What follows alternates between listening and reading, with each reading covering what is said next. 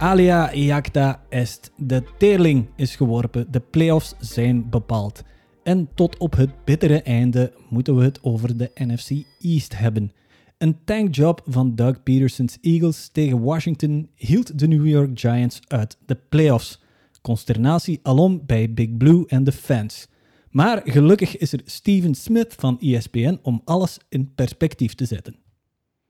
Ah, wah, wah, wah, wah, wah, wah. Oh, y'all shut up. Stop it. You, Oh, Molly, whatever, Stephen A. Ryan Clark, uh, Oh, uh, uh, uh. Dan Orlovsky, Rex Ryan. Y'all just stop the nonsense.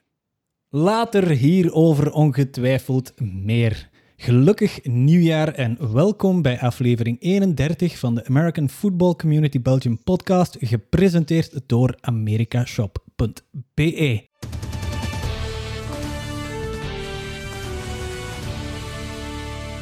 Van americashop.be gesproken, onze partner tijdens deze playoffs, zal ik maar zeggen. We hebben daar, eh, vorige week is het aangekondigd, we hebben een wedstrijd, zal ik maar zeggen. Ehm, wat moeten jullie doen? Deze week schenkt America Shop eh, twee kortingsbonnen van 10 euro weg voor hun eh, online webshop, waar ze ja, van, van Milk Duds tot Cheetos Flaming Hots tot Mountain Dew, eh, wat dat ze daar ook nog allemaal verkopen.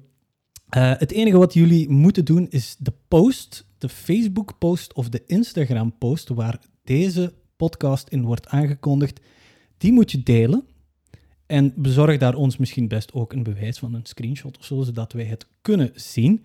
Of wat dat je ook kan doen om je nog meer kansen te geven, is een review schrijven op bijvoorbeeld Apple Podcast. Dus om kans te maken op twee kortingsbonnen van americashop.be, deel deze post op Instagram of deel het op eh, Facebook of beide. Je maakt je kans alleen maar groter. Of schrijf een review op Apple Podcasts en zo maak je kans op die eh, kortingsbonnen van americashop.be.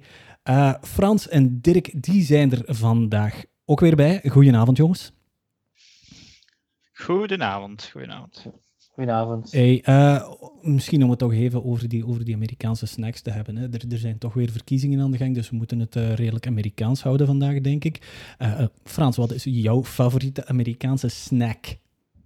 Het was eigenlijk iets eh, dat je vroeger niet kon krijgen hier. En als ik in Amerika was, dat was eigenlijk een van de eerste dingen die ik deed. Dat was een eh, benzinestation binnengaan en eh, beef jerky kopen. Aha, Vond ik ongelooflijk goed. En heb- kan je nu hier ook al krijgen. Alhoewel, in Amerika kan je zakken van een halve kilo kopen. En ja, van, daar, van, ben die, ik wel, daar ben ik wel voor. van die plastieke dozen, echt zo van die tonnen, van die kleine tonnetjes van, van beef jerkies. Hè?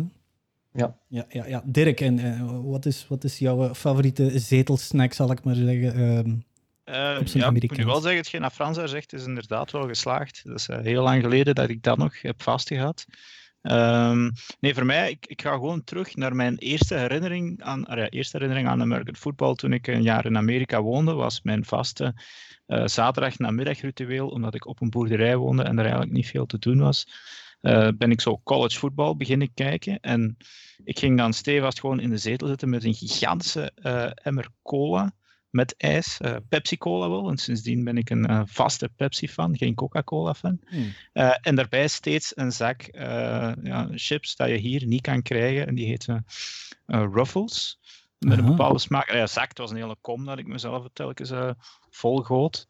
Eh, oftewel eh, een zakje van die Fritos. Dat is ook iets dat je hier niet kan krijgen, maar ik Mhm. denk wel bij America Shop. Ja, ja, ja. Ik, ik ga daar eh, verder in gaan. In, in, in, de, in de chips voor mij, de, toch al, ik heb het een paar keer laten vallen, denk ik, vorige week zelfs ook al. De Cheetos Flaming Hots. Maar die zijn heel veel uitverkocht op uh, americashop.be, omwille van dat de vraag daarnaar zo enorm hoog is. Maar je, kan, je kan op de website ook gewoon kijken wanneer ze gewoon terug in restock zijn allemaal. Dus de playoffs die komen eraan en ongetwijfeld eh, heb je dan een sugar craving eh, naar van die snacks. Dus eh, op het einde van de uitzending zal ik het nog wel eens herhalen. Maar deel deze post op Facebook, op Instagram of schrijf een review. Geef ons het bewijs en maak kans. Volgende week ehm, roepen we de winnaars al, al daarvan uit. En de week erna hebben we gewoon een andere prijs.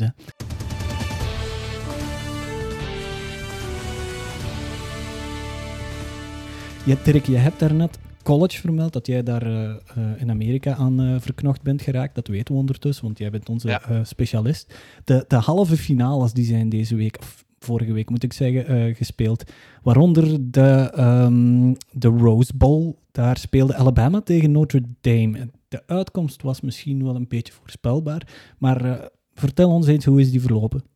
Eh, ja, het was een beetje zoals ik een klein beetje voorspeld had, eh, kansloos voor Notre Dame. Eh, Alabama die kwamen eh, red hot uit, uit de gate, zullen we maar zeggen, en scoorde die eh, een touchdown, vrij snel gevolgd. Ja, Notre Dame die dan echt moesten ploegen om, om wat yards te verzamelen, dat niet lukte. Mhm. Alabama weer een touchdown, supersnel.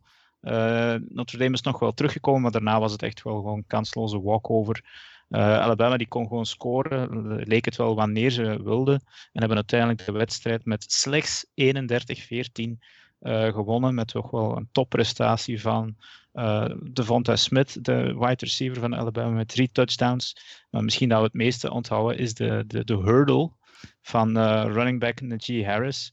Mhm. Die eh, toch geen Klopt. kleintje die, waar hij daar even oversprong, eh, los clearde. Ehm, en dan, ja, hij heeft hem wel geen touchdown gescoord, maar dat is toch volgens mij toch het beeld dat we van die wedstrijd gaan onthouden. Eh, Alabama die dan ook als torenhoog favoriet eh, richting de finale gaan. Mhm, mhm. Frans, wa- wat heb jij geleerd van die, van, van die wedstrijd van Bama? Heb jij die gezien? Maar ik ben niet zo'n eh, specialist in college Mhm. zoals eh, Dirk, omdat ik me vooral op de NFL concentreer. Maar ik heb ook de wedstrijd of stukken van de wedstrijd gezien. Ja.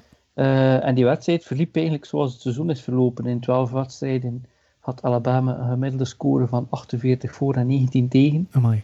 Eh, dus ja, inderdaad, ze hebben iets minder kunnen scoren dan tijdens het jaar. Dus dan kan je stellen dat de defense van de Fighting Irish boven gemiddeld speelde tegen Alabama. Mhm. Maar voor de rest is dit eigenlijk een walkover.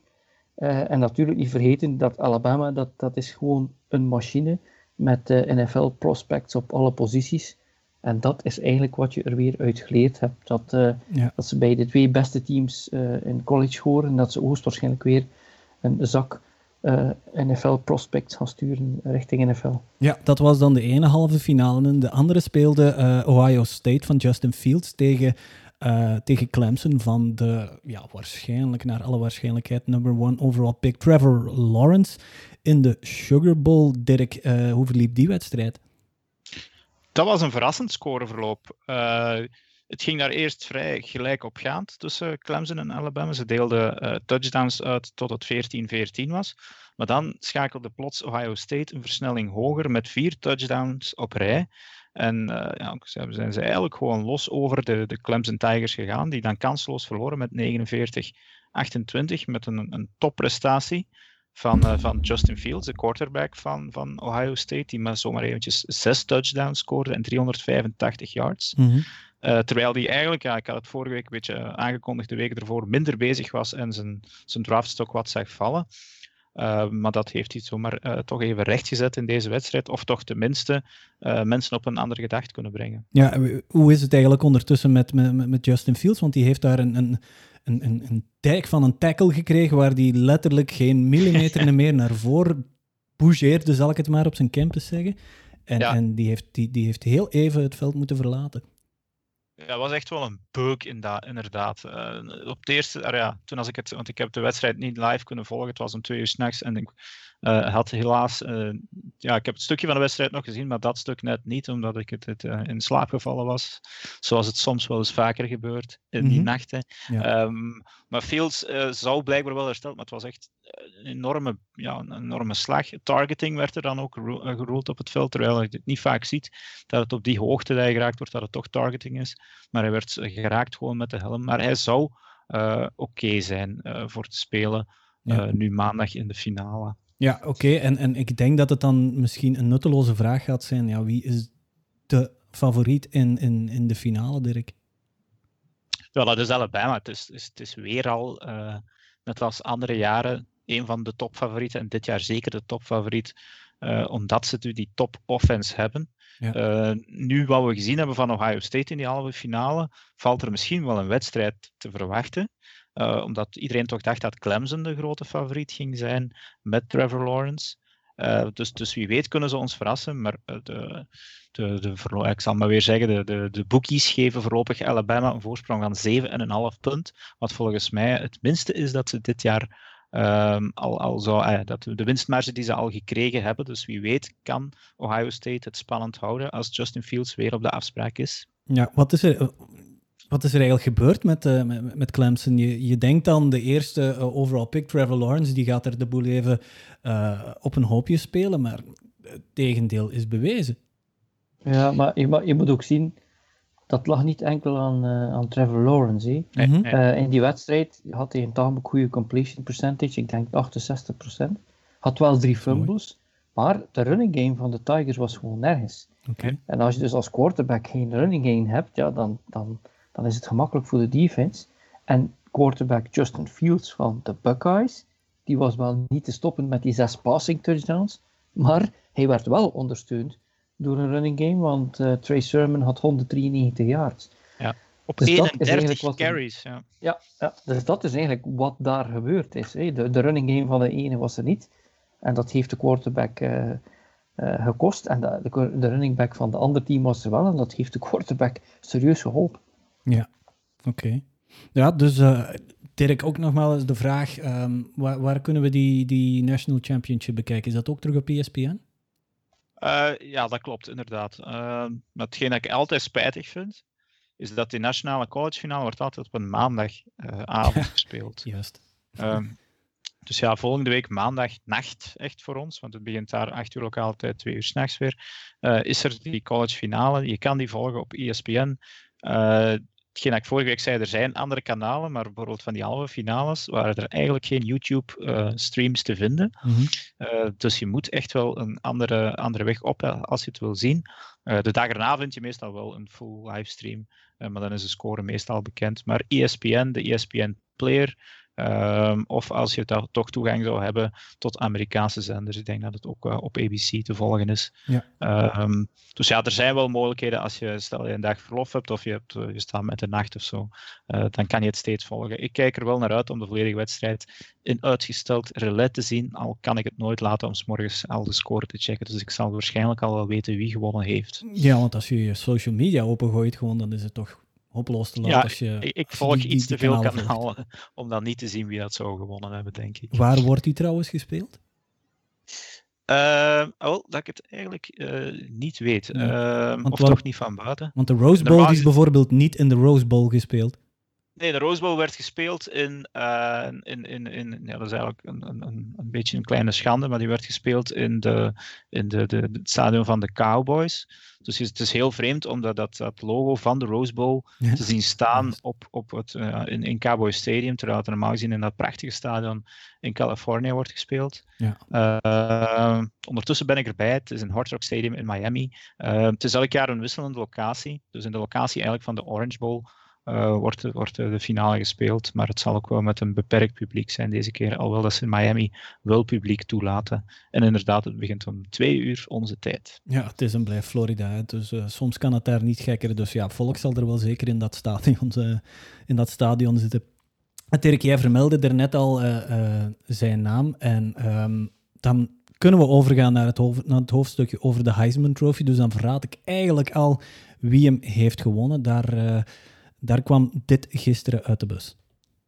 And now, without further ado, the 2020 winner of the Heisman Trophy is Devontae Smith of the University of Alabama. ja, je, je hoort het al. Het, het was een, een beperkt publiek, want uh, ik, ik denk niet dat, uh, dat alle uh, Heisman-nominees op dezelfde locatie waren. Um, Trey Lance en, ja. en, en Devontae ja. Smith was dat dan, waren dat dan weer wel. Die zaten mooi naast elkaar. Die gaven elkaar direct een knuffel. De coach kwam er dan bij. Die had dan wel een mondmasker op. En toevallig, ik weet het niet of dat het toevallig was, zat Devontae Smith echt vlak naast de Heisman Trophy. Ja, dus. ja het, is, het, het, was een klein beetje verwacht nadat hij ook al de AP College Player of the Year gewonnen had. Uh, en een paar van zijn medefinalisten hadden het in, de, in hun wedstrijd nog een beetje laten afweten. Ik weet niet wanneer dat die stemmen juist gestuurd zijn, maar -hmm. uh, Trevor Lawrence had dus een klein beetje een mindere wedstrijd. Eh, Kyle Trask van Florida, die, die, die, die heeft zich gewoon belachelijk laten maken door de Oklahoma Sooners. En dan zijn quarterback, Mac Jones, ja, die, die, die voedt uh, Devontae Smith. En ja, die, die speelt eigenlijk toch een beetje een bijrol in zijn grote show. Um, dus het was voor mij wel een verwachte winnaar. En de eerste wide receiver, want dat is zeer uitzonderlijk, die het wint in 29 jaar. Ja. Um, het is nog niet veel voorgekomen, maar het geeft misschien wel aan in wat voor een seizoen dat we net, uh, dat we net gehad hebben. Ja, uh, Frans, een, een, een wide receiver die een, de Heisman wint. Um, na, naar welke ploeg zie jij deze Heisman-winnaar gaan? Frans? Hallo Frans? Ik weet waar hij, ah, okay. ik weet waar hij naartoe zou moeten gaan. Uh, dat is naar de Dolphins natuurlijk. ja. ja, ja. Het is een no-brainer. Dat ja, is daarom een... dat ik ook al een klein monkellachje eigenlijk, eigenlijk gaf. Uh, ja. Het zou inderdaad wel eens een mogelijkheid kunnen zijn. Ja, want ze hebben de Miami Dolphins hebben de derde pick toch, hè? Die hebben inderdaad ja. de derde pick van de, van de Texans. Daar wil ik geen zout ja. mee in de wond strooien, hoor, Frans. Maar... Nee, nee, maar uh, 10 en 6 eindigen en de derde pick hebben. Er zijn ergere dingen om te, te hebben. Ja, ja, je kan ook 6 en 10 eindigen en klagen dat je de playoffs niet haalt, omwille van dat een andere ploeg erover uh, er, er, heeft beginnen denken. Dat kan je ook doen, natuurlijk. Oké. Okay. Uh, dat uh, tot zover de Heisman. Dus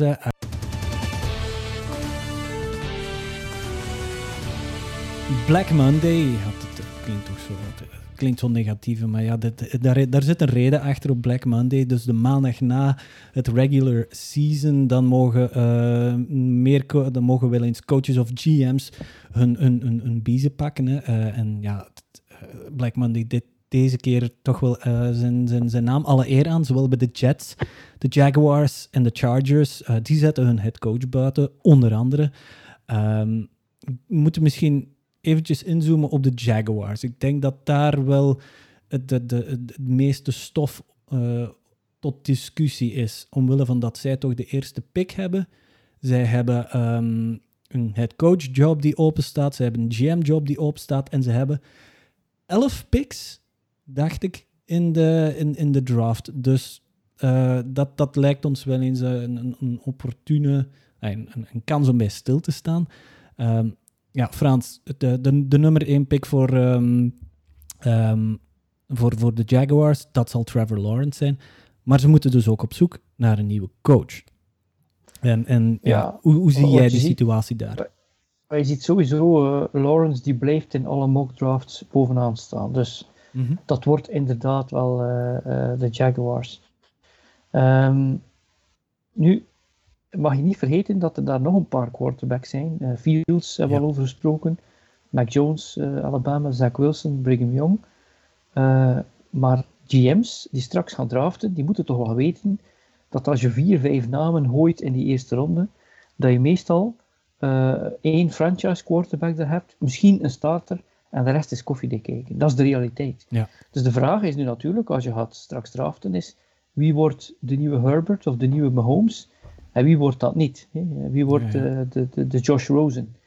en, en als je dan ja. nu kijkt naar die um, vacancies in die verschillende teams, jij wil direct praten over de Jacksonville Jaguars, uh, omdat die natuurlijk wel uh, een aantrekkelijk, uh, laat zeggen, een aantrekkelijk team zijn. je hebt inderdaad de eerste pick, je hebt ook heel veel salary cap. Je hebt die elf picks, maar je hebt er waarschijnlijk zes of zeven in de eerste drie rondes. Dat is allemaal tamelijk goed. Uh, maar de divisie is ook niet zo sterk voorlopig. Uh, er valt daar ook wel iets te rapen. Mm -hmm. um, maar ik zou, als ik als headcoach-kandidaat kan kiezen, en dat kan je niet, vergis je niet, ja. headcoach-kandidaten hebben meestal niet de keuze uit verschillende teams, dat is een uitzondering. Maar ik zou veel liever uh, de Chargers dan uh, coachen. Mm -hmm. Omdat ik met Herbert heb ik al een, een gekende commodity. Ja, juist. Ik heb gewoon gezien wat die, wat die gast in zijn eerste jaar gedaan heeft. Je hebt daar een paar offensive weapons. Je hebt daar ook een paar verdedigers. Dus dat lijkt mij ook een hele interessante om, om te zijn. Ja. Um, en als ik dan eventjes moet de top 3 en de bottom 3 doen. Wel, Jaguars heel interessant inderdaad. Chargers heel interessant. Uh, volgens mij ook Falcons. niet mis eh, om, ja. om daar te belanden. Eh, maar aan de andere kant, als je dan Jets, Lions en Texans ziet, ja, Jets, zolang de broers Johnson en Johnson er daar een soep van maken, dan gaat dat blijven niet draaien. Ja. De Lions, dat is al een tijdje een shitshow. En de Texans, ja, die hebben gewoon één goede speler. En dat is een quarterback. En voor de rest, begin maar hè, als, eh, als headcoach. Ja, want er, er, er- Dus, ehm, ja, zeg maar. zeg maar. Zeg maar. Dus ja, eh, ik zie ongeveer wat de namen zijn die wat in, eh, in de relatie zijn. Er zijn ook al sommigen die al geïnterviewd hebben. En tegenwoordig wordt er heel veel gepraat over, we hebben een soort CEO-type coach nodig. Iemand die zo wat de leiding heeft en die hoeft niet per se de plays te callen. Maar ik denk dat je dat CEO-type, dat je daar kan in groeien. Eh, ik, wil ik wil veel meer, eigenlijk liever een coach die een soort subject matter expert is, die heel goede offensive play calling is, of heel goede defensive coach. En die zal dan wel uitgroeien naar, naar, naar die CEO-type. En welke namen hoor ik constant? Dat is Eric Bieniemy, eh, die van eh, offensive coordinator van de Chiefs. Robert Sala, de defensive coordinator van de 49ers. Brian Dayball hoor je ook, de offensive coordinator van, van Buffalo. Je hoort zelfs Urban Meyer. Ja. Die twee teams staat hij bovenaan, Jacksonville en de Chargers. Dat zijn zo'n beetje de kandidaten. Er zijn ook een paar oude gekenden, zoals eh, Jim Caldwell wordt er genoemd. Raheem Morris is natuurlijk voorlopig de coach bij de Falcons. En dan eh, een, een, een buiten, ja, Jason Garrett hoor ik zelf. Oei. Eh, ja. ja, ja, ja, ja. Maar een soort buitenbeentje is wel Arthur Smith. En dat is toch iemand waar ik al een tijdje mijn oog op heb. Dat is de offensive coordinator van de Titans. Dat is, als ik me niet vergis, de zoon van eh, de eigenaar van, wat is het, Federal Express. Dus die is dus eh, sowieso al miljardair. Eh, maar die blijkt heel goed te zijn in wat hij doet daar bij de Titans. Dus dat zou ook een kandidaat kunnen zijn. Ja. Dirk, ehm, Frans zei het daarnet al, Urban Meyer wordt genoemd eh, bij de Jacksonville Jaguars en die heeft een, toch wel een groot verleden in college. hè? Ja, dat is eigenlijk een eh, nog levende legende in, in, in college voetbal. Eh, een heel gepassioneerde, gedreven coach die nationale kampioenschappen heeft gewonnen met Florida in der tijd en ook met Ohio State. En telkens als hij zo'n programma vastpakte, dan, dan, dan, dan werd dat het winning program. Ehm, natuurlijk, het is heel moeilijk om college en NFL te vergelijken. In college moet je goed zijn in het recruiten van spelers. ehm, en ze dan eigenlijk op, op een paar jaar tijd ontwikkelen naar toppers. Eh, dat heeft hij onder andere gedaan met, met, met Tim Tebow eh, en dergelijke. Ohio State heeft hij ook naar, naar, grote, naar een nationaal kampioenschap geleid. Uh, maar het valt wel telkens op dat hij nogal snel zijn valies pakt, eigenlijk.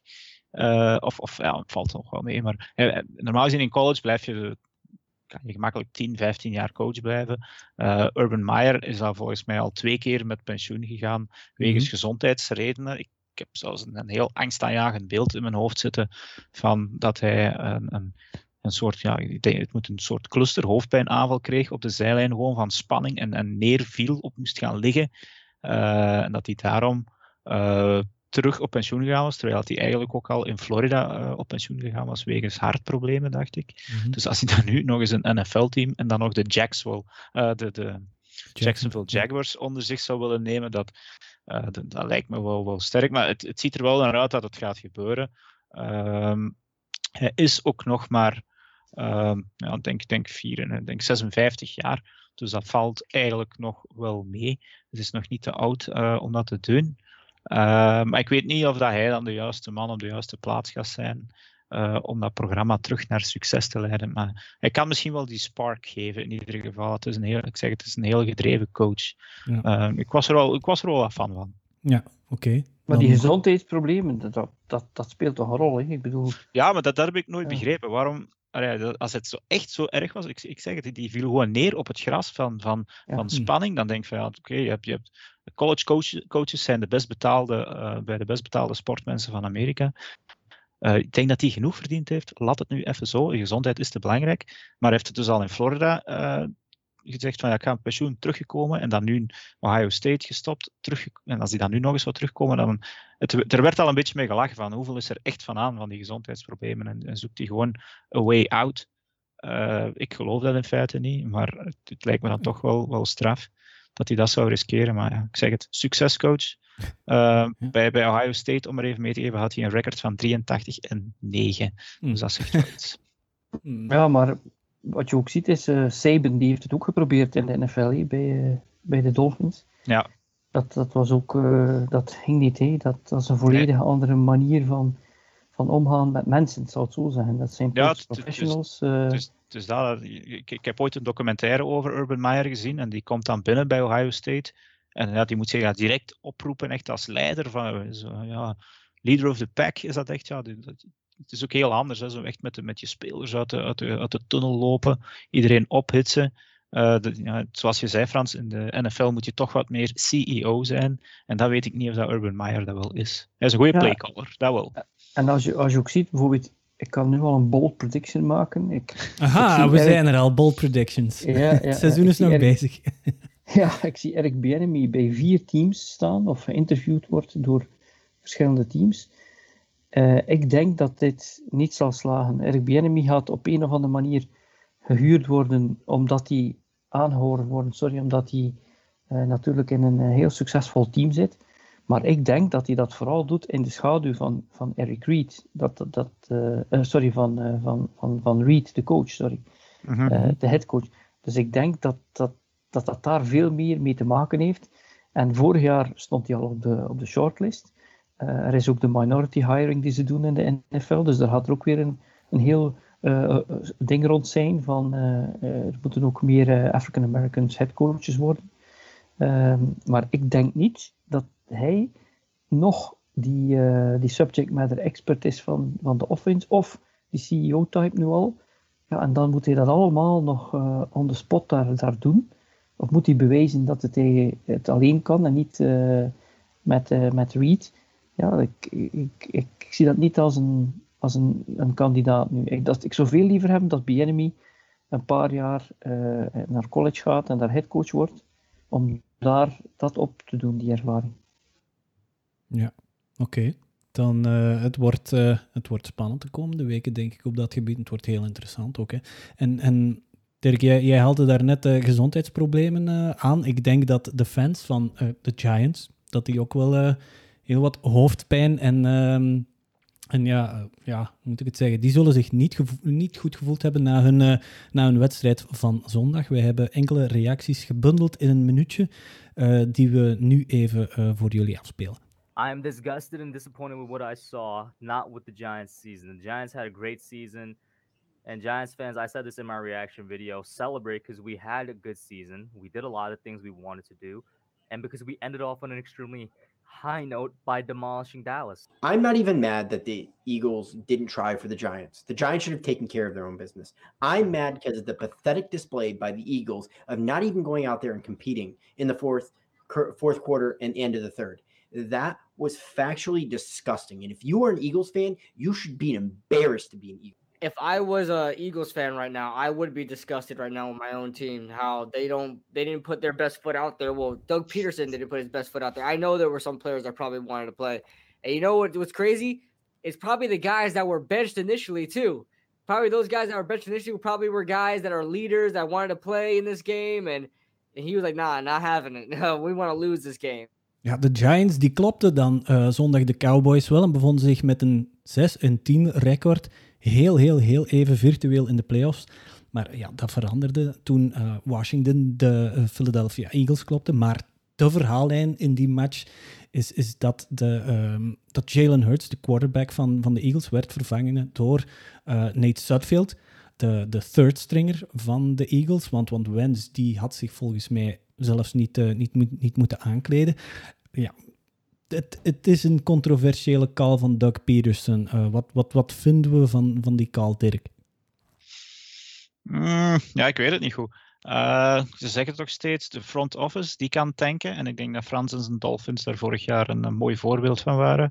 Maar uh, spelers en coaches doen dat normaal gezien niet, want die spelen voor zichzelf, mm -hmm. voor, hun, voor hun centen, voor hun toekomst. Want er, zijn, er staan daar spelers op het veld die zich nog moeten bewijzen uh, voor volgend jaar.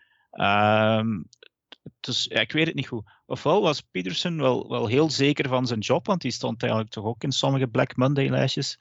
En heeft hij van dan de front office misschien toch slinks de, te horen gekregen van ja, het zou niet erg zijn als we die wedstrijd verliezen.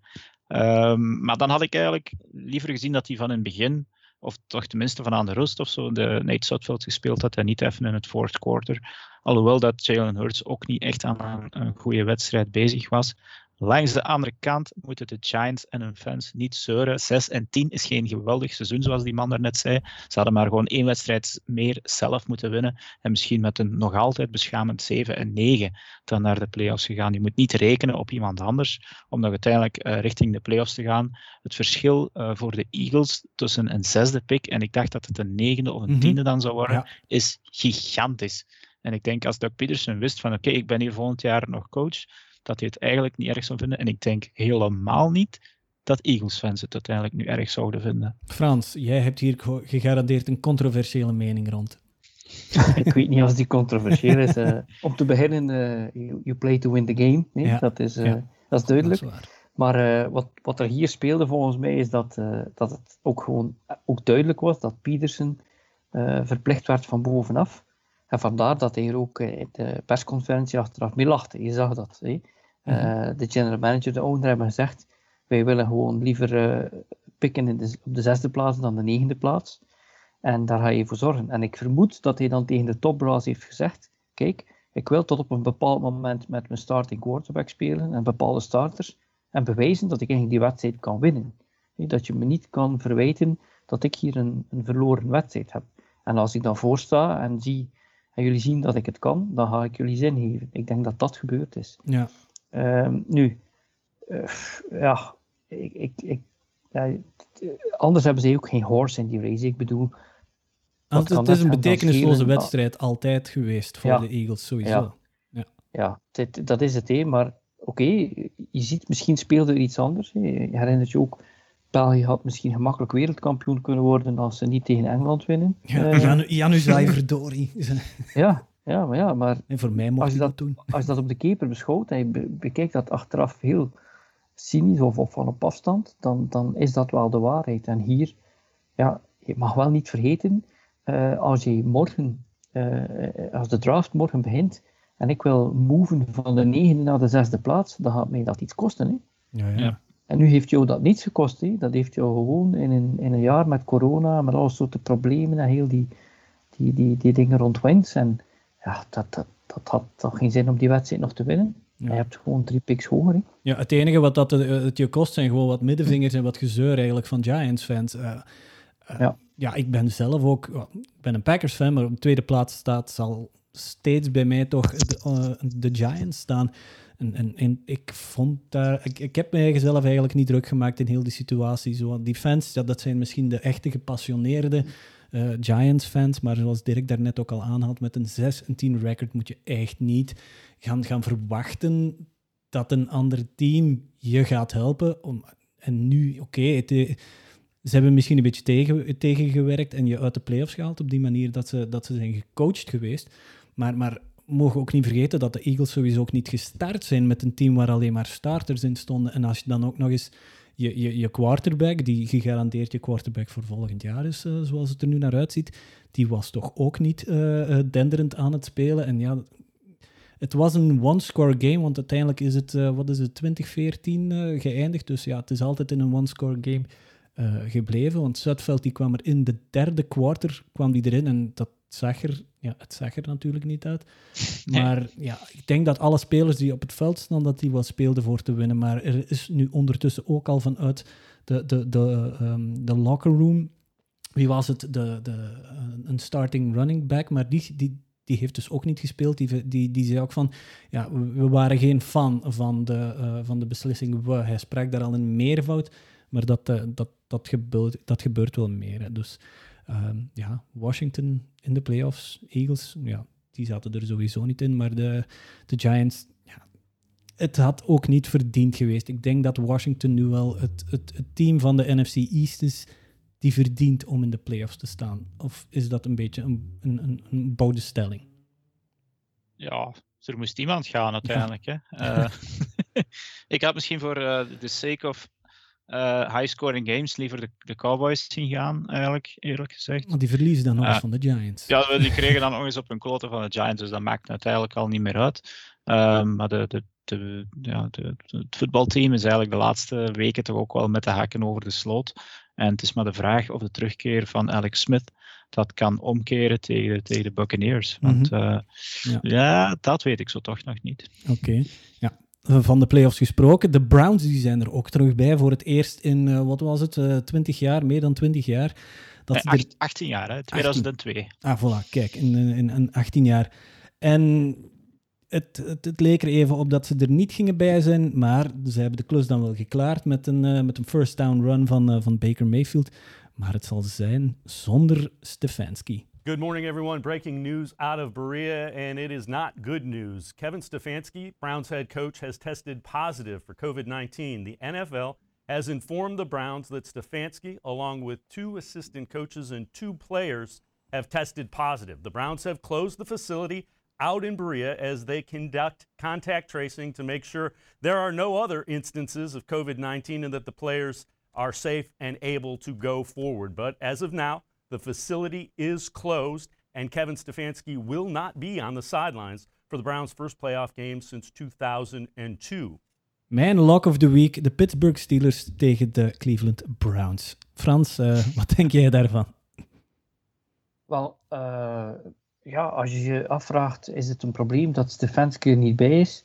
Dan zou ik zeggen, het is een groot probleem. Mm -hmm. uh, Stefanski is ook de playcaller. Uh, hij wordt eigenlijk in een groep gegooid, zo'n top 5, top 6 playcallers. En dat is dan Sean Payton, Arthur Smith, Sean McVay, Brian Dayball en Matt LeFleur. Da daar zit hij een beetje bij. En dan zie je eigenlijk ook weer wat ik daarnet zei, hè, dat, dat dit ook wel het soort headcoach is die ik wil, die ook dit kan, die playcalling. Want als ik me herinner, uh, als headcoach, ik had enkele hele goede uh, assistant coaches bij de uh, Tribes, die zes keer Belgisch kampioen geworden is, als ik er maar bij ben. ja, ja, ja. Ik had daar een, een, een, een, special teams coördinator, Dale Housden, dat was een Australiër die ook punter en kicker was. Ik had een defensive coördinator, Benedict Verheyen, die gewoon alles dicht zette op defense. En dan had ik een, een offensive coördinator, Hickey George, die alles voor mij voorbereiden. En die mensen verzetten heel veel werk tijdens de week en de voorbereiding op wedstrijden. Maar toen die wedstrijd begon, en je bent headcoach, dus je, je managt wel het volledige team. Maar omdat ik ook de playcaller was, dan was ik echt als een soort gevechtspiloot. Die met al die informatie op word speed in mijn mind aan het beslissen was. Ja. Soms de data, soms op gut feeling, soms op ervaring. En, en als je dat niet hebt, als je die persoon niet hebt, dan is dat een absoluut gemis. Dus uh, dat ziet er niet goed uit voor, uh, voor, uh, voor de Browns. Vooral omdat je toch wel zag dat die connectie Stefanski Mayfield, dat die er wel was mm -hmm. dit jaar. Heel anders dan, dan vorig jaar. Ja, Dirk? Ja, ja het is jammer, want het is inderdaad de playcaller. en hij was dan nog eens, hij was offensive coordinator bij de Vikings. En een beetje ook het, het, offensieve mind achter dat. Dus het valt echt wel te vrezen. En nu hebben de, de Browns een beetje alles tegen. Want ook de geschiedenis spreekt tegen hem. Uh, Frans, wie weet, weet jij het misschien nog? 2002 zal jij ook nog wel uh, NFL gekeken hebben. Tegen wie verloren de Browns toen in de wildcard? Geen idee. Dat is lang geleden dus, hoor. Ja, de Steelers. Ah, oké. Okay. de, de keer daarvoor dat ze de playoffs bereikt hadden, was nog eens acht jaar daarvoor. 1994 verloren ze in de divisional round. Tegen wie was dat? Ik weet al wie de headcoach was. ah, geen idee wie dat Bill was. Belichick. Ah, Bill Belichick, uiteraard. Maar ze verloren toen tegen, tegen de Steelers. Uh, en dan moeten we wel teruggaan naar 1989, uh, dat ze in de AFC Championship tegen de Broncos eruit vlogen. Dus uh, ja, de, de, de Browns-fans zullen ten eerste al geen goede herinneringen hebben, voor zover ze die al hebben, richting 94 en 2002 aan de playoffs. En ja, het is, het is wel een heel Browns-ding om, te om nu te gebeuren. Uh, want ik, ja, ik zie de Browns eigenlijk liever spelen dan de Steelers op dit moment. Mm. Dus ik, ik hoop het, maar ik, ja, ik zou er geen geld op durven, zeggen, oh, durven zetten. Het, het erge is ook, want naast uh, Kevin Stefanski uh, eh, en, en, nog een ander uh, coaching-staff lid. Zijn er ook spelers die, die op de COVID-19 reservelijst gezet zijn, hè? waaronder left guard Joel Bitonio. Dat is iemand die al, al driemaal in de Pro Bowl heeft mogen spelen. Zit al sinds 2014 bij de Cleveland Browns. Je krijgt eindelijk je kans om in de playoffs te spelen en dan gebeurt dit. Ja. is, is toch weer al, ja, vintage Browns toch weer al. Ja, dat, dat is eigenlijk super erg. Hè? Die kerel heeft een 1 en 15 en een 0 en 16 seizoen meegemaakt. En uh, dan gebeurt het dus, uh, er waren echt letterlijk Browns-fans aan het huilen van geluk in de tribunes. En dan moet je als speler die wedstrijd gaan missen, omwille van COVID. Uh, maar ja, het, is, het is nog een verlengstuk aan twee, van 2020 dat we, dat we daar meemaken, denk ik. Ja, ja. oké. In, de, in de EFC um, ehm, konden de Dolphins konden in, de, in de playoffs geraken. Um, moesten ze, hadden ze gewonnen tegen de Buffalo Bills. Maar uh, dat verliep uh, heel anders. Josh Allen, but he's, uh... Here goes McKenzie at the 16, hang of 4-9. Look at him, he's breaking tackles and finds some daylight and broke another tackle, and he's off to the races. The punter to beat. Here comes McKenzie, zigging and zagging. Vigilant chasing. That's a touchdown! Oh, what a play! En nu strooi ik wel een klein beetje zout in de wonden, denk ik, bij Frans. Um, 56-26 voor de Buffalo Bills tegen de Dolphins. Er bleef niks van over, hè, van de Dolphins. Nee, ja. ja. Zeg maar hoor, eh, Dirk. Ja, nee, dat is, het is, het is eigenlijk heel erg. Hè. Seizoen 10 en 6 uh, eh, eindigen en dan niet naar de playoffs gaan. Als er een jaar dan nog eens dat er uh, zeven teams naar de playoffs gaan en in de andere conference gaan er teams met 8 en 8 naar de playoffs. Maar uh, vertel. Ja, ik bedoel, de Patriots hebben nooit de playoffs gemist met uh, 11 en 5 zelfs. Ja, mooi. Dus, uh, het, het, kan niet.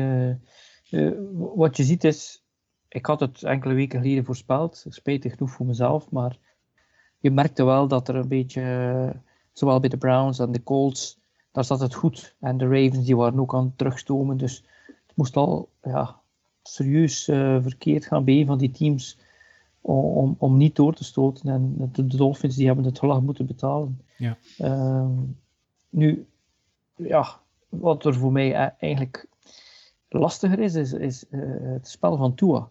Ja. Die gast heeft dit jaar 6,3 yards per attempt. Is daarmee dertigste in de NFL.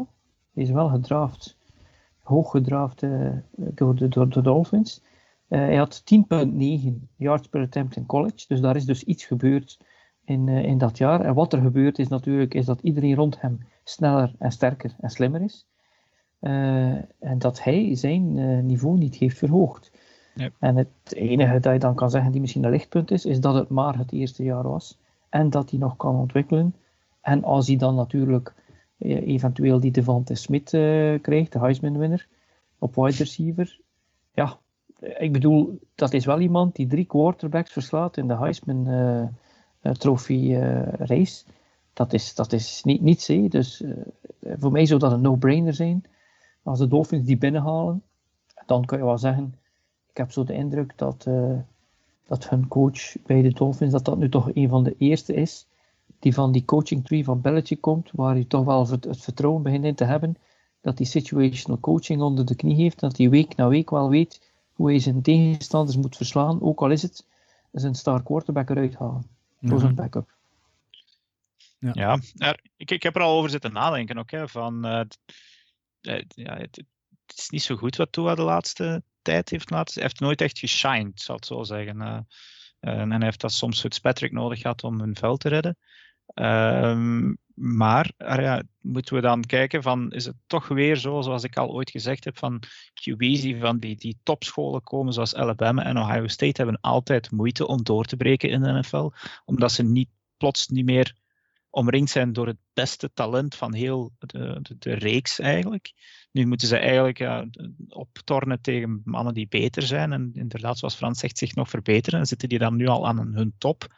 Dat weet ik dus niet. En ja, dan zou je kunnen afvragen, moet je dan terug een QB gaan pikken? Ik denk het niet. Um, maar er is een precedent dat goed uitgedraaid is met Josh Rosen en Kyler Murray bij de Cardinals. Maar toen was er ook wel een coaching change, denk ik. Um, maar ik denk dat ze toch het beste af zullen zijn met een, een wide receiver. En misschien is het niet die Devontae Smith, maar wel Jalen Waddle die ze willen, want die is nu een beetje, wordt over het hoofd gezien omdat hij geblesseerd is. Maar die keert wel terug, denk ik, in de nationale kampioenschapswedstrijd van maandag. En als Dolphin-fan zou ik die toch ook maar in de gaten houden.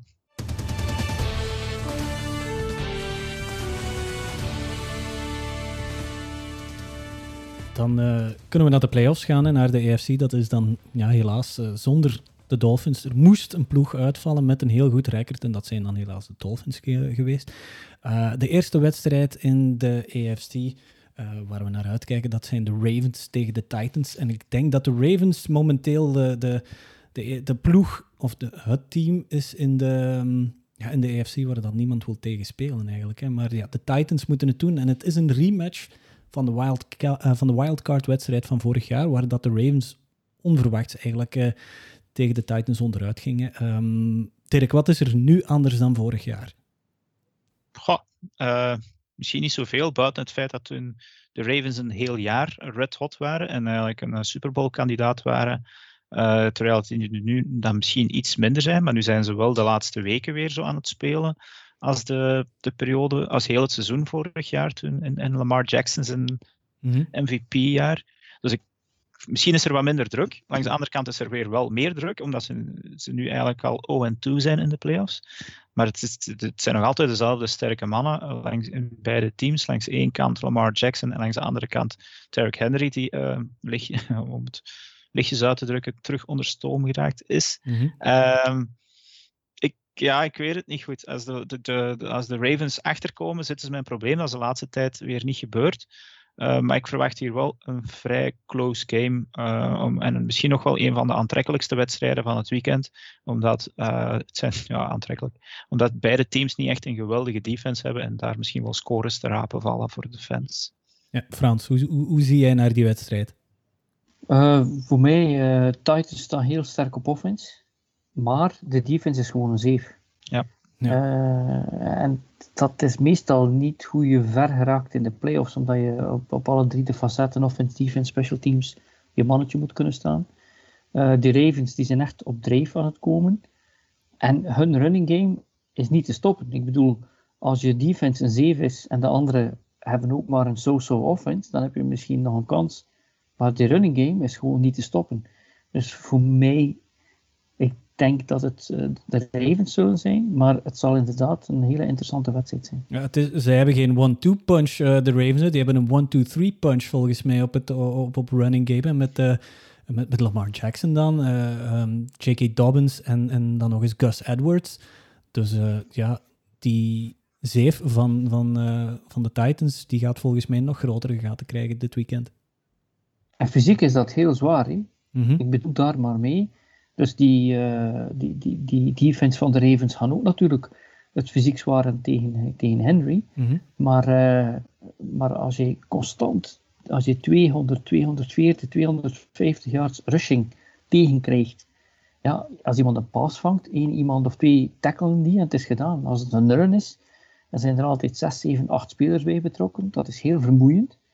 Dus uh, vandaar mm-hmm. dat het wel lastig zal zijn. Ja, we hebben het daarnet ook even over de, over de, de Browns gehad dan, die zonder Stefanski, zonder hun head coach moeten spelen, zonder hun playcaller, die dan tegen de Steelers spreken. Ik heb mijn mening daarover al gegeven, denk ik. Uh, moeten, we, moeten we het daar nog over hebben, want het ziet er echt niet goed uit, hè?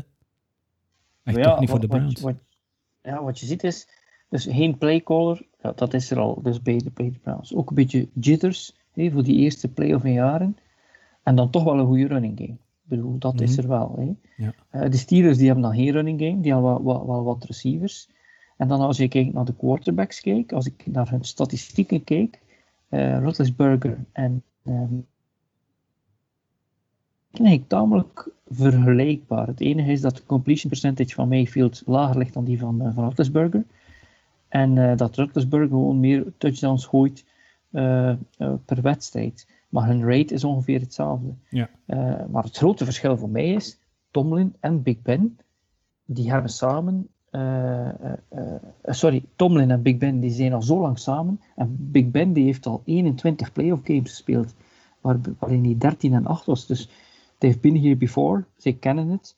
Dus als het tamelijk gelijk opgaand is, eh, dan zal het nog altijd de, de ervaring van de Steelers zijn die de bovenhand haalt, denk ik. Ja. Dirk? Ja, misschien één stat dat ik nog niet vermeld heb. Er straks toen ik eh, de Steelers en de, en de Browns vergeleek. Ik, denk dat, ik dacht dat Ben Roethlisberger 16 en 0 is tegen de Browns. Tot Dat eh, is een vorige week mooie dan. statistiek. Ehm, eh, dus ik, ah ja, ik, ik, eh, het, zou, het zou bijna gek zijn om niet op de Browns te gokken.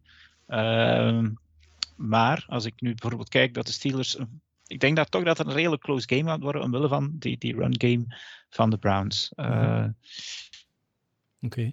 en, en het feit dat de Steelers toch eigenlijk niet zo denderend bezig waren de laatste tijd. Ik bedoel, ze hebben veel verloren. Slechts één helft goed gespeeld tegen de Colts. Eh, het vertrouwen zal dan niet denderend goed zijn, maar ze zijn wel uitgerust. Eh, Steelers zijn favoriet met zes punten, maar ik zou precies eh, die line niet durven nemen als, als gokker. Ja. In de AFC zijn het, eh, zijn het alleen maar spectaculaire wedstrijden. Dit weekend ook de Colts tegen de Bills. Ziet er, ziet er een leuke affiche uit. Hè. De, de Bills die lijken, ja, die lijken naast, de, naast de Ravens het te kloppen team in de AFC. Zo'n beetje heel, heel, heel net onder de Ravens. En ze lijken, voor mij lijken de Bills de kandidaat voor de Super Bowl in de AFC te zijn. Eh, wie gaat ze hier stoppen, eh, Dirk, van die twee? Ja, niet de Colts, denk ik. Ja. Ehm, de Bills zijn zo ja, super heet, zoals dat ze zeggen, zo Red goed hot. bezig dat ze. Ja, red hot. eh, ze, durven, ze hebben zelfs hun starters niet laten rusten tegen de Dolphins, terwijl het in principe buiten voor het thuisvoordeel niet meer moest. Maar ze zeggen gewoon van ja, we gaan door op onze flow. Ik denk inderdaad, het is de wedstrijd en we hebben geluk in België. Ravens Titans en Colts Bills zijn de twee wedstrijden, zowel zaterdag als zondag, die om 7 uur starten. Dat zijn de interessantste wedstrijden voor mij van het, eh, van het weekend. Ehm, qua spel dan. Mhm. Eh, dus ik kijk hier zeer naar uit naar die wedstrijd. Maar ik denk dat eh, de Bills hier wel vrij snel op een, een, een serieuze voorsprong gaan komen. En dan is het maar te kijken of die gouden oude Philip Rivers nog kan volgen met dat tempo. Frans? Ah, ik denk ook niet dat de Colts eh, de Bills gaan kunnen stoppen. Mhm. Eh, Indianapolis heeft een team die op elk niveau op offense en defense degelijke units heeft. Eh, line, linebackers, noem maar op, receiver, running back. Maar Rivers, die het eigenlijk beter heeft gedaan dan ik verwacht had, die heeft het moeilijk in de red zone. En, en daar niet scoren of field goals, dat zal niet lukken. Want dat- dat is inderdaad een team die on fire is, die Bills. En dan Josh Allen. Eh, ik denk dat een van jullie hem als MVP naar, voor, naar voren had geschoten. Dat was mijn, eh? ja, dat was mijn eh, dark horse en mijn bold, bold prediction in het begin van het seizoen. Ja, ik, ik begreep niet waarom hij vorig jaar zo werd afgekraakt. hè. Ik zag hem soms wel domme dingen doen.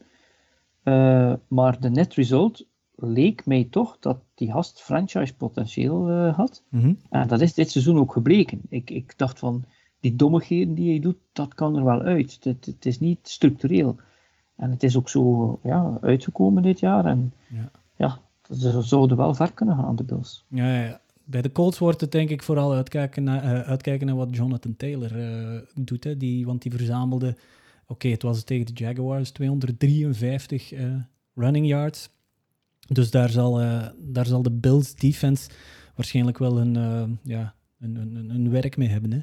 In de NFC, eh, de eerste wedstrijd die op het programma staat, ehm, een beetje van achter naar voor werken, denk ik. Zo heb ik het hier genoteerd. De Buccaneers ehm, van Tom Brady tegen Washington, tegen het Washington voetbalteam. Het, eh, het is gemakkelijk om te zeggen van hier kan ook een duidelijke winnaar al gekozen worden, maar ehm, dat zal mijn aversie een beetje voor, voor Tom Brady zijn, denk ik. Ehm, en, en Antonio Brown. Dat ik zeg dat Washington best wel een kans maakt hier. Mm, dat, dat ben je niet juist, denk ik. Eh, Nou, dat bestaat, goed of juist, dat bestaat niet, denk ik. In, in, Ja, context, ik, hè. ik, ja, ik, ik denk, ja, ten eerste denk ik dat dit niet echt een geweldig interessante wedstrijd gaat worden. Ik denk dat Washington heel weinig punten gaat kunnen scoren. Eh, Smith heeft al een heel deel wedstrijden niet gespeeld, moeten ze dan op die Heineken rekenen. Eh, Terry McLaurin is al een hele tijd onzichtbaar. Eh, Antonio Gibson, die, die, die, die lag in de lappenmand. Ik weet niet wie het eigenlijk gaat moeten doen voor Washington. En dan als je het aan de andere kant, ja, buiten Chase Young dan, op defense. Ehm, als je dan aan de andere kant Tom Brady, Antonio Brown. ehm, ik weet niet, eh, is die blessure Eh, wie was, het? Was, het Ed- was het Evans of Godwin? Het was, Die, Ev- eh, het, was, eh, het was Evans die daar iets aan zijn knie had. Evans, ja. En dat is nog Ja. niet duidelijk of dat hij kan spelen. Daar is nog niks, Nee, eh, nee. nog ja, niks het, van bekend. het was blijkbaar minder erg dan gedacht, maar dan, dan heb je nog Godwin, je hebt Gronkowski en je hebt een goede defense. Ik, ik, ik zie geen manier hoe dat Washington deze wedstrijd gaat winnen. Of het moet een, een implosie zijn van Tom Brady en de Buccaneers defense. Mhm, ja, dus de, de spread zegt genoeg, hè. eh, Bucks min 8 punt, min 8,5 punten. Ja. Eh, dat, dat, dan heb je Brady, de wapens op offense, Arians, tamelijk ervaren.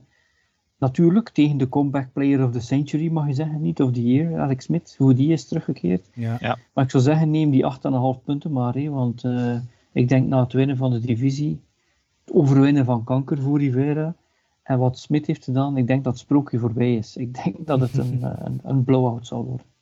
Zo erg? Een echte blowout? Ja. Ja, ja, ja. Ik vrees het toch ook echt. Hè. Eh, ja, ik, ik- ik zeg het, ik zie het gewoon niet. Wie gaat het doen eigenlijk? Het, eh, de Buccaneers zullen zichzelf in de voet moeten schieten eh, Dat is al gebeurd, om, hè? om deze wedstrijd te verliezen. Dat Ik- is al ik- gebeurd. Maar ja, ik, ik kijk nu weer graag naar Washington, omdat ik Chase Young zo'n beest vind, en omdat Ja. ik Terry McLaurin een ongelooflijke receiver vind. Die twee wil ik zien spelen.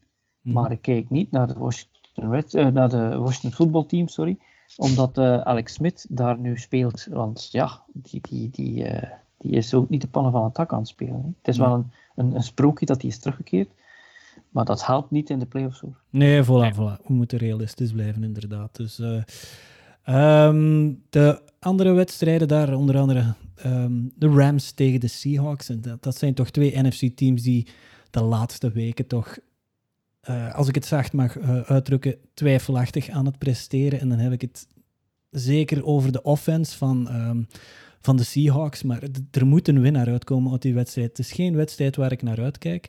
Eh, wie, wie gaat dat hier zijn, Dirk? ik denk de Seahawks. de, de, de Rams zullen moeten spelen weer met, wie is het, John Bolford. De, Normaal de gezien. financial advisor eh, turned quarterback. Ja, die zijn LinkedIn-pagina net heeft aangepast naar, dat die, naar voetbalspeler. Eh, dus dat zegt eigenlijk genoeg. Eh, dit is zo'n wedstrijd waar ik eigenlijk, ondanks het feit dat Russell Wilson speelt, er eigenlijk niet echt naar uitkijk. Dit wordt een defensive slugfest, denk ik. Mhm. Met aan de ene kant Aaron Donald en de zijne, en aan de andere kant Jamal Adams en Carlos Dunlap. En ja, het valt eigenlijk zo wat te vrezen dat Russell Wilson daar een bijrol heeft. Ik hoop van niet. Maar het is toch al weken geleden dat we die Russell Wilson van het begin van het jaar aan het, aan het werk gezien hebben. Ik denk dat de Seahawks dit gaan winnen, Mhm. maar niet in een aantrekkelijke wedstrijd. En, ja. Allee, dat is mijn gedachte. De, Seahawks en DK Metcalf van het begin van het jaar mogen wel eens gaan terugkomen om eh, de rest van de NFC een beetje spannend te houden. Mhm. Frans? Ik vind het een lastige, omdat eh, de defense van de Rams is, is echt wel een force. Mhm. Maar inderdaad, wie start daar op quarterback? Eh, ik moet wel zeggen, die Wolford, die heeft dat niet slecht gedaan. Ik hoorde op een of andere podcast dat hij een McVay-kloon is. Dat, eh, dat, dat, dat McVay zei, het is genoeg geweest met die Goff, ik wil iemand... Frans? Ik denk dat Frans een beetje is weggevallen. Ja, Frans, je bent even weggevallen. Kan je, kan je terug van in het begin beginnen? Ja, Want we hebben letterlijk niets gehoord. Ik, ik Oké. hoorde hem nog wel trouwens. Hè, maar het is, eh, Dan zal Ja, het mij zijn. Ja, ik hoorde je niet. En, maar en, goed. en ik neem het op, dus eh, ik denk dat het wel Ja, ja, ja, belangrijk dat is. is waar. Ja. Oké, is goed. Ja, het, is lastig hè, eh, om hier te zeggen wie gaat winnen. De, de, de defense van de Rams is echt wel een force. Maar, maar wie gaat er starten op quarterback? Eh, Mhm. eh, die Wolford die heeft dat eigenlijk niet slecht gedaan. Eh, ik heb ergens gehoord dat hij een McVay-kloon is. Dat eh McVay zei: Ik heb eh, iemand nodig die op mij lijkt en doet wat ik wil. Omdat het met Goff niet altijd zo gaat. Dat is wel grappig. Ehm, en dan Seattle, dat is eigenlijk een team die een beetje te veel up en down is. Om met zekerheid te zeggen dat de winst binnen is. Ja. Maar wat je dan wel weet is, durft het dan eventueel op het einde close zijn, dan is Wilson, Russell Wilson wel de wildcard. En die heeft wel wat targets en is een gamechanger. Dus ik zou wel neigen naar de Seahawks, eh, zoals Dirk zegt. Maar het zou kunnen spannend zijn.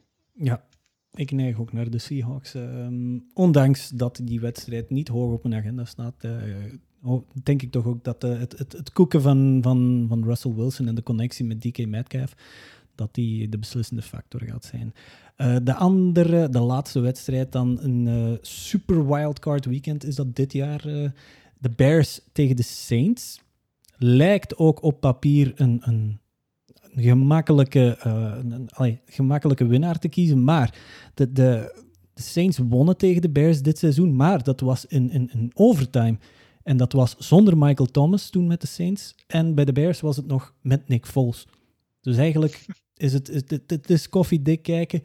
Maar ehm, ja, Frans, hoe, hoe zien we de, de, de Saints met de Bears? Eh, hoe zien we die wedstrijd? Ik zie het zo, als je een team hebt in de NFC en je hebt Kamara, je speelt niet tegen de Packers, als je tegen iemand verliest, dan verdien je niet beter. Ja. En eh, dus die Kamara is voor mij een ongelooflijke speler. En als je daarnaast dan zegt dat Thomas misschien wel zal bij zijn. eh, in feite, de Saints, dat zijn eigenlijk een van de grote teleurstellingen de laatste paar jaar in de playoffs. Eh, die zijn natuurlijk een paar keer gescrewd geweest met, met beslissingen van de refs en zo. En, maar in feite voor hen is het nu of nooit in een niet zo sterke NFC. Natuurlijk, er is Aaron Rodgers eh, die je gaat moeten kunnen overwinnen. En dan nog eh, in, in Green Bay als het zover zou komen. Maar je hebt Breeze, je hebt die Taysom Hill, je hebt Kamara, Thomas eventueel. Je hebt een goede defense. Ehm, ik zie Trubisky af en toe wel eens een degelijke wedstrijd neerzetten. Maar die jongen heeft vijf eh fourth quarter comebacks in zijn carrière. En Breeze die heeft er 36.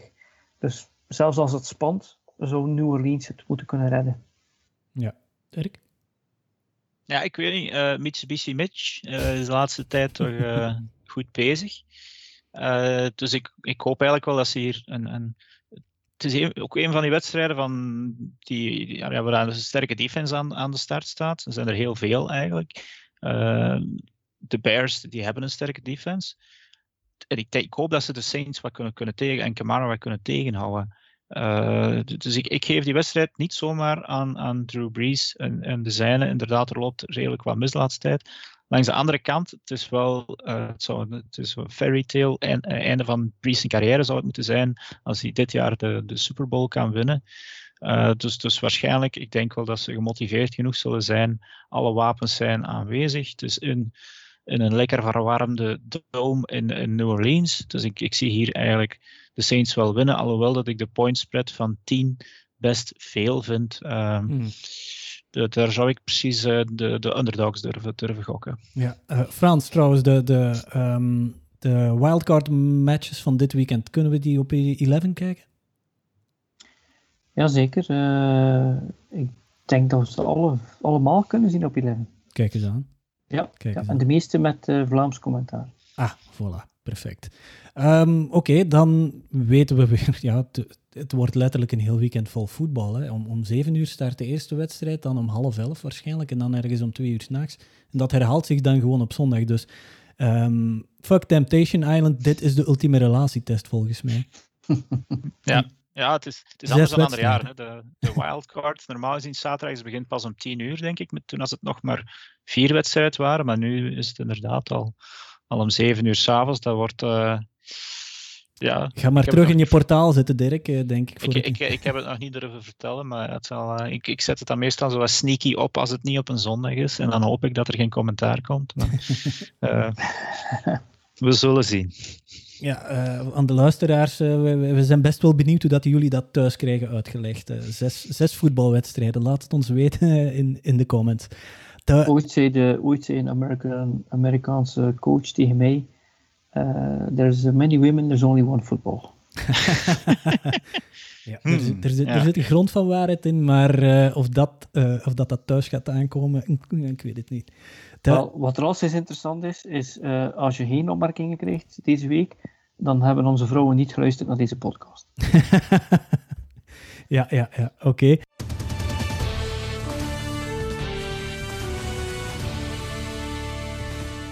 De MVP-race, die kunnen we ook afsluiten eigenlijk. De, de, de MVP's die worden gekozen op basis van de wedstrijden van het reguliere seizoen. En er is voor mij, ik ga daar zelfs mijn top 5 geven, want er is voor mij een clear-cut winnaar van die, van die MVP. Allee, toch een favoriet. Maar eh, ik ga bij jullie beginnen, eh, Dirk en Frans. Wat is jullie eh, top 5 van de MVP dit, dit regular season. Ik ga jullie een muziekje geven op de achtergrond. Begin met Dirk. Ah, ik? Yes! Dan zullen we van 5 naar 1 gaan. Ehm, op 5 heb ik, eh, ja, ik heb getwijfeld, eigenlijk 5A, 5B, eh, Josh Allen en Jalen Ramsey. Op 4 heb ik pas Patrick Mahomes. Op 3 heb ik eh Devante Adams met zijn, zijn boerjaar aan de zijde van iemand die later nog gaat komen. Op nummer 2, en ik heb het toch met moeite moeten doen, maar een, een running back die 2000 yards bij elkaar loopt, komt maar één keer om een blauwe maan voor Derrick Henry. Maar de enige echte nummer 1 is uiteindelijk toch Aaron Rodgers. Die eh, ja, op zijn, wat is het, 36 jaar misschien wel het beste seizoen van zijn carrière, eh, misschien 2011, eh, in, in acht genomen, bij elkaar heeft gegooid. Een soort revenge tour omwille van de, de, de, de, QB die genomen is in de eerste ronde. Maar als dat, het, eh, het, als dat zo elk jaar zo'n jaar oplevert, mogen ze elk jaar zo'n een QB draften. Dus op nummer 1 de MVP. En ik denk ook wel dat het die echt gaat halen is Aaron Rodgers. Oké, dan Frans. Jij krijgt ook een muziekje. Wel, ik, ik, eh, ik denk dat ik eh, mijn auto in dezelfde garage parkeer als, eh, als Dirk. Eh, bijna volledig hetzelfde. Eh, op 5 heb ik Wilson. Had zo'n goed stuk, eerste stuk van het seizoen, dat hij toch wel een, eh, een puntje zou krijgen daar. Eh, op 4 heb ik Allen. Eh, en dat had ik eigenlijk niet verwacht voor het seizoen. Op 3 Mahomes. En dan sta ik ook met 2 en 1 wat af te wegen.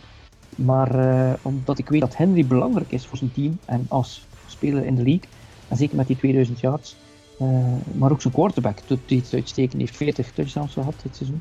Dus vandaar dat ook Rodgers voor mij, eh, dat was maar zeggen, de clear-cut winner is van mijn MVP. Oké, dan eh, oké, dat, is- dat, dat lijkt er inderdaad een beetje op, eh, op de top 5 van Dirk. Eh, ik ga de mijn geven, daar zit misschien ja, een verrassing, zal ik het niet zeggen, maar ik open met eh, op 5 TJ Watt van de Steelers, linebacker. Een, eh, een league high van 15 sacks, 43 solo tackles en 2 forced fumbles. Eh, het was voor mij kiezen op 5 tussen eh, hem of Aaron Donald. En dan ga ik toch voor, voor TJ Watt. Op 4 Josh Allen, my boy Josh Allen, mijn Dark Horse MVP van dit jaar. En er werd toch smalend over gedaan. En hij zit volop in die MVP-conversatie. Dus ja, voilà. 4544 passing yards, 37 TD's en een completion percentage van net geen 70. En hij speelt in de te ducht tegenstander van de AFC naast ja, die Chiefs dan. Hè. Op 3 King Henry, zoals jullie eh, hem ook in de top 5 hebben gezet. Op 2027 rushing yards, alsjeblieft. Nog maar de achtste speler in de geschiedenis van de league die dat doet. 17 TD's en een gemiddelde van 136,7 yards per game. Op 2 heb ik eh, Patty Mahomes gezet. Mahomes the Magician. De MVP van twee jaar geleden. En hij liet eigenlijk ook dit seizoen zien dat hij kan toveren met die bal. Het was misschien dan niet zijn beste seizoen de laatste weken.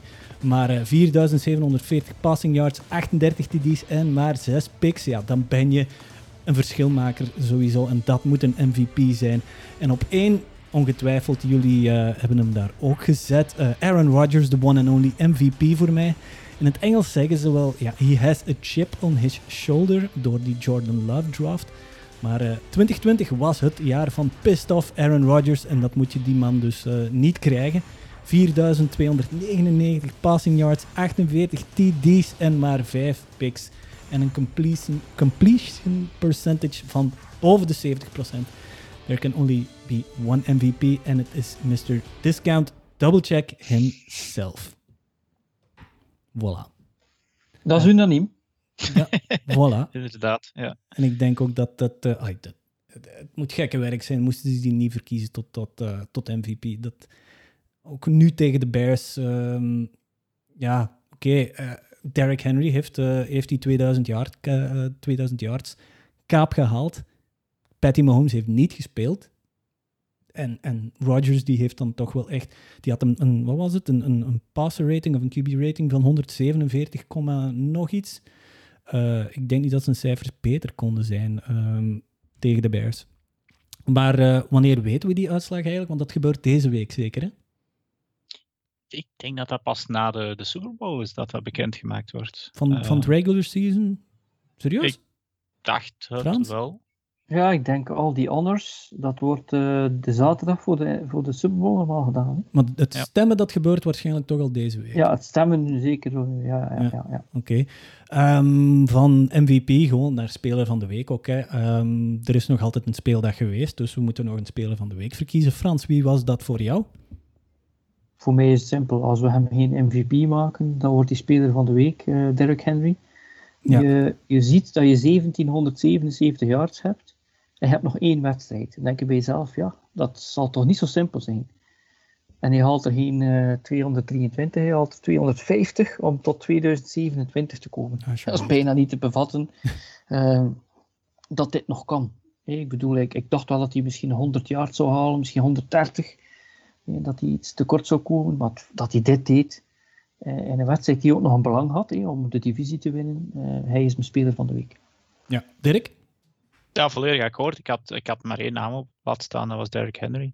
Eh, het was dan nog in een wedstrijd waar dan nog iets op het spel stond voor hen. Hè. Dus het is niet dat ze zomaar even altijd de bal aan Henry konden geven en eh, doe maar voor, ga maar voor dat record. Eh, de eerste plaats in de NFC, eh, eh, de, zeg ik nu, de, de AFC South, die stond nog op het spel.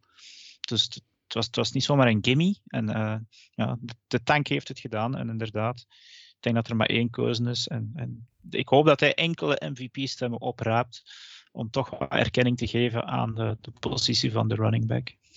Oké, unaniem. Ik kies ook eh Derrick Henry, dus eh, daar, kunnen we het, eh, daar kunnen we heel snel en, en heel duidelijk in zijn.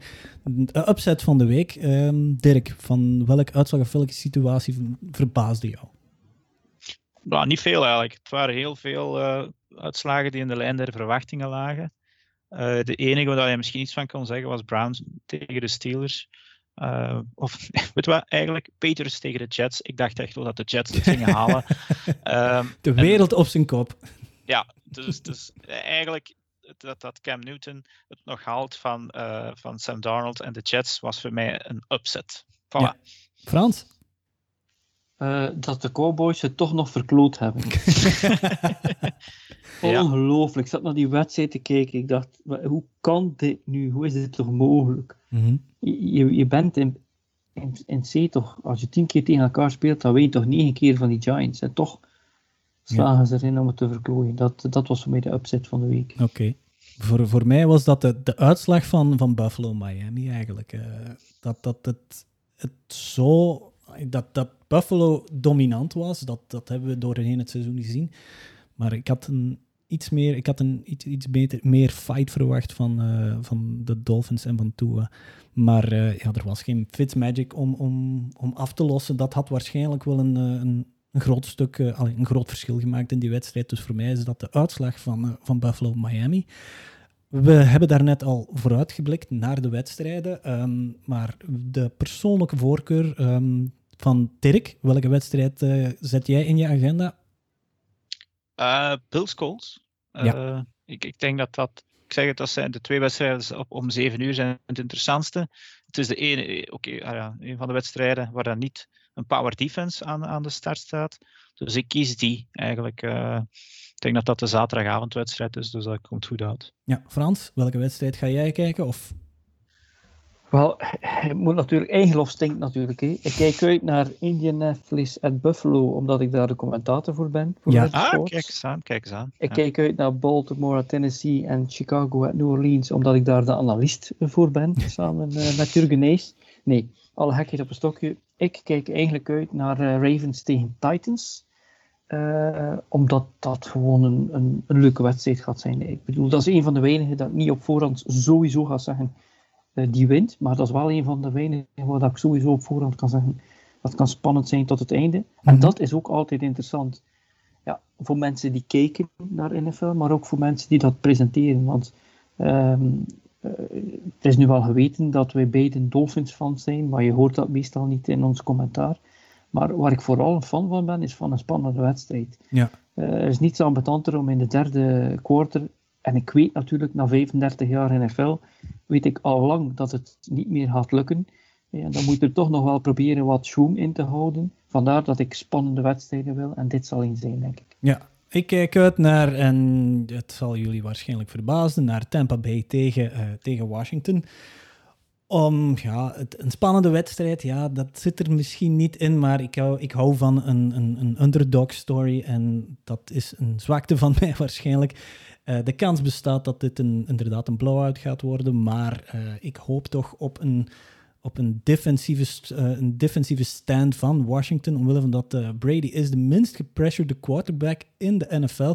En dat kan vandaag, of dat kan zondag of zaterdag. Zondag, dat kan zondag wel eens veranderen. Dus er toch een klein beetje competitie tussen de, deze twee teams. En dan kunnen we misschien wel een interessante wedstrijd krijgen. De fantasy. Fantasy, dat is afgelopen voor het re uh, reguliere seizoen. Maar in de playoffs kan er ook nog altijd fantasy gespeeld worden. De winnaars van het regular season, die zijn bekend en die, um, die zullen hun prijzen in ontvangst nemen. Maar Frans, er is nog altijd uh, fantasy om te spelen in de playoffs en daar heb jij meer nieuws over. Ja, er is ook een uh, NFL Playoff Challenge. Dus uh, op onze Facebookpagina kunnen mensen gewoon klikken en daaraan deelnemen. dan probeer je natuurlijk te voorspellen wie de meeste punten aanhalen in de playoffs. En Tim, onze uh, fantasy guru, die heeft nog een, ook nog een playoff league gemaakt. En die link is ook te vinden op onze Facebookpagina. Ja. En ik moet uh, Eleven Sports natuurlijk nog eens bedanken, omdat zij inderdaad voor onze 10 fantasy leagues, voor onze Pick'em, voor onze Survivor, voor onze Playoff Challenge, dat ze voor al die winnaars een, uh, een prijs hebben voorzien. dat is een maand gratis Eleven Sports. En uh, ja. dat is toch leuk dat we dat gekregen hebben, want ja, wij zijn eigenlijk allemaal vrijwilligers. En uh, dat is tof om dat te zien dat ze dat willen doen voor ons. Ja, fantastisch. Oké, okay, um, dus er zijn nog altijd er zijn prijzen gewonnen en wij uh, delen ook prijzen uit, zoals in het begin van de uitzending gezegd, met prijzen van americashop.be. Zo, wat dat je moet doen is deze post waar deze podcast wordt gepost, zal ik maar zeggen, op Facebook, waar deze wordt tentoongesteld. Die delen op je tijdlijn en uh, ons een, een screenshot uh, een geven. Op Instagram wordt er ook een post gemaakt. Deel die in je story en geef daar ons ook een screenshot van. Je kan beide doen, of je kan ook nog aanvullend om nog meer kans te maken kan je um, een review schrijven over onze podcast. Er is ondertussen, er, dat is al gebeurd, maar vooral op Apple Podcast uh, valt dat vlotjes te doen. Dus voor, 10, uh, voor kortingsbonnen van 10 euro voor americashop.be post delen in je stories of review schrijven. Voilà, we zitten aan, um, ja, Frans, ik, ik, denk dat het de, de term de tight 60, dat we die gewoon in de vuilbak mogen gooien vanaf nu, want dat is, het, het gaat gewoon ah. niet meer. Misschien komt hij ja, nu maar... in beeld hè, met de playoffs. Dat is het, ja. Maar er is ook gewoon heel veel te vertellen. Er was ja. heel veel gebeurd. Het gaat over coaches, het gaat over college football, ja. het gaat over playoffs. Och, het is it's the footballiest time of the year. Vandaar dat we wel eventjes boven de tight 60 mogen gaan. Ja, ja, voilà. Kijk eens aan. Oké, okay, dan rest er mij alleen nog maar om jullie veel plezier toe te wensen dit super wildcard weekend voor de, voor de allereerste keer. En hopelijk tot volgende week.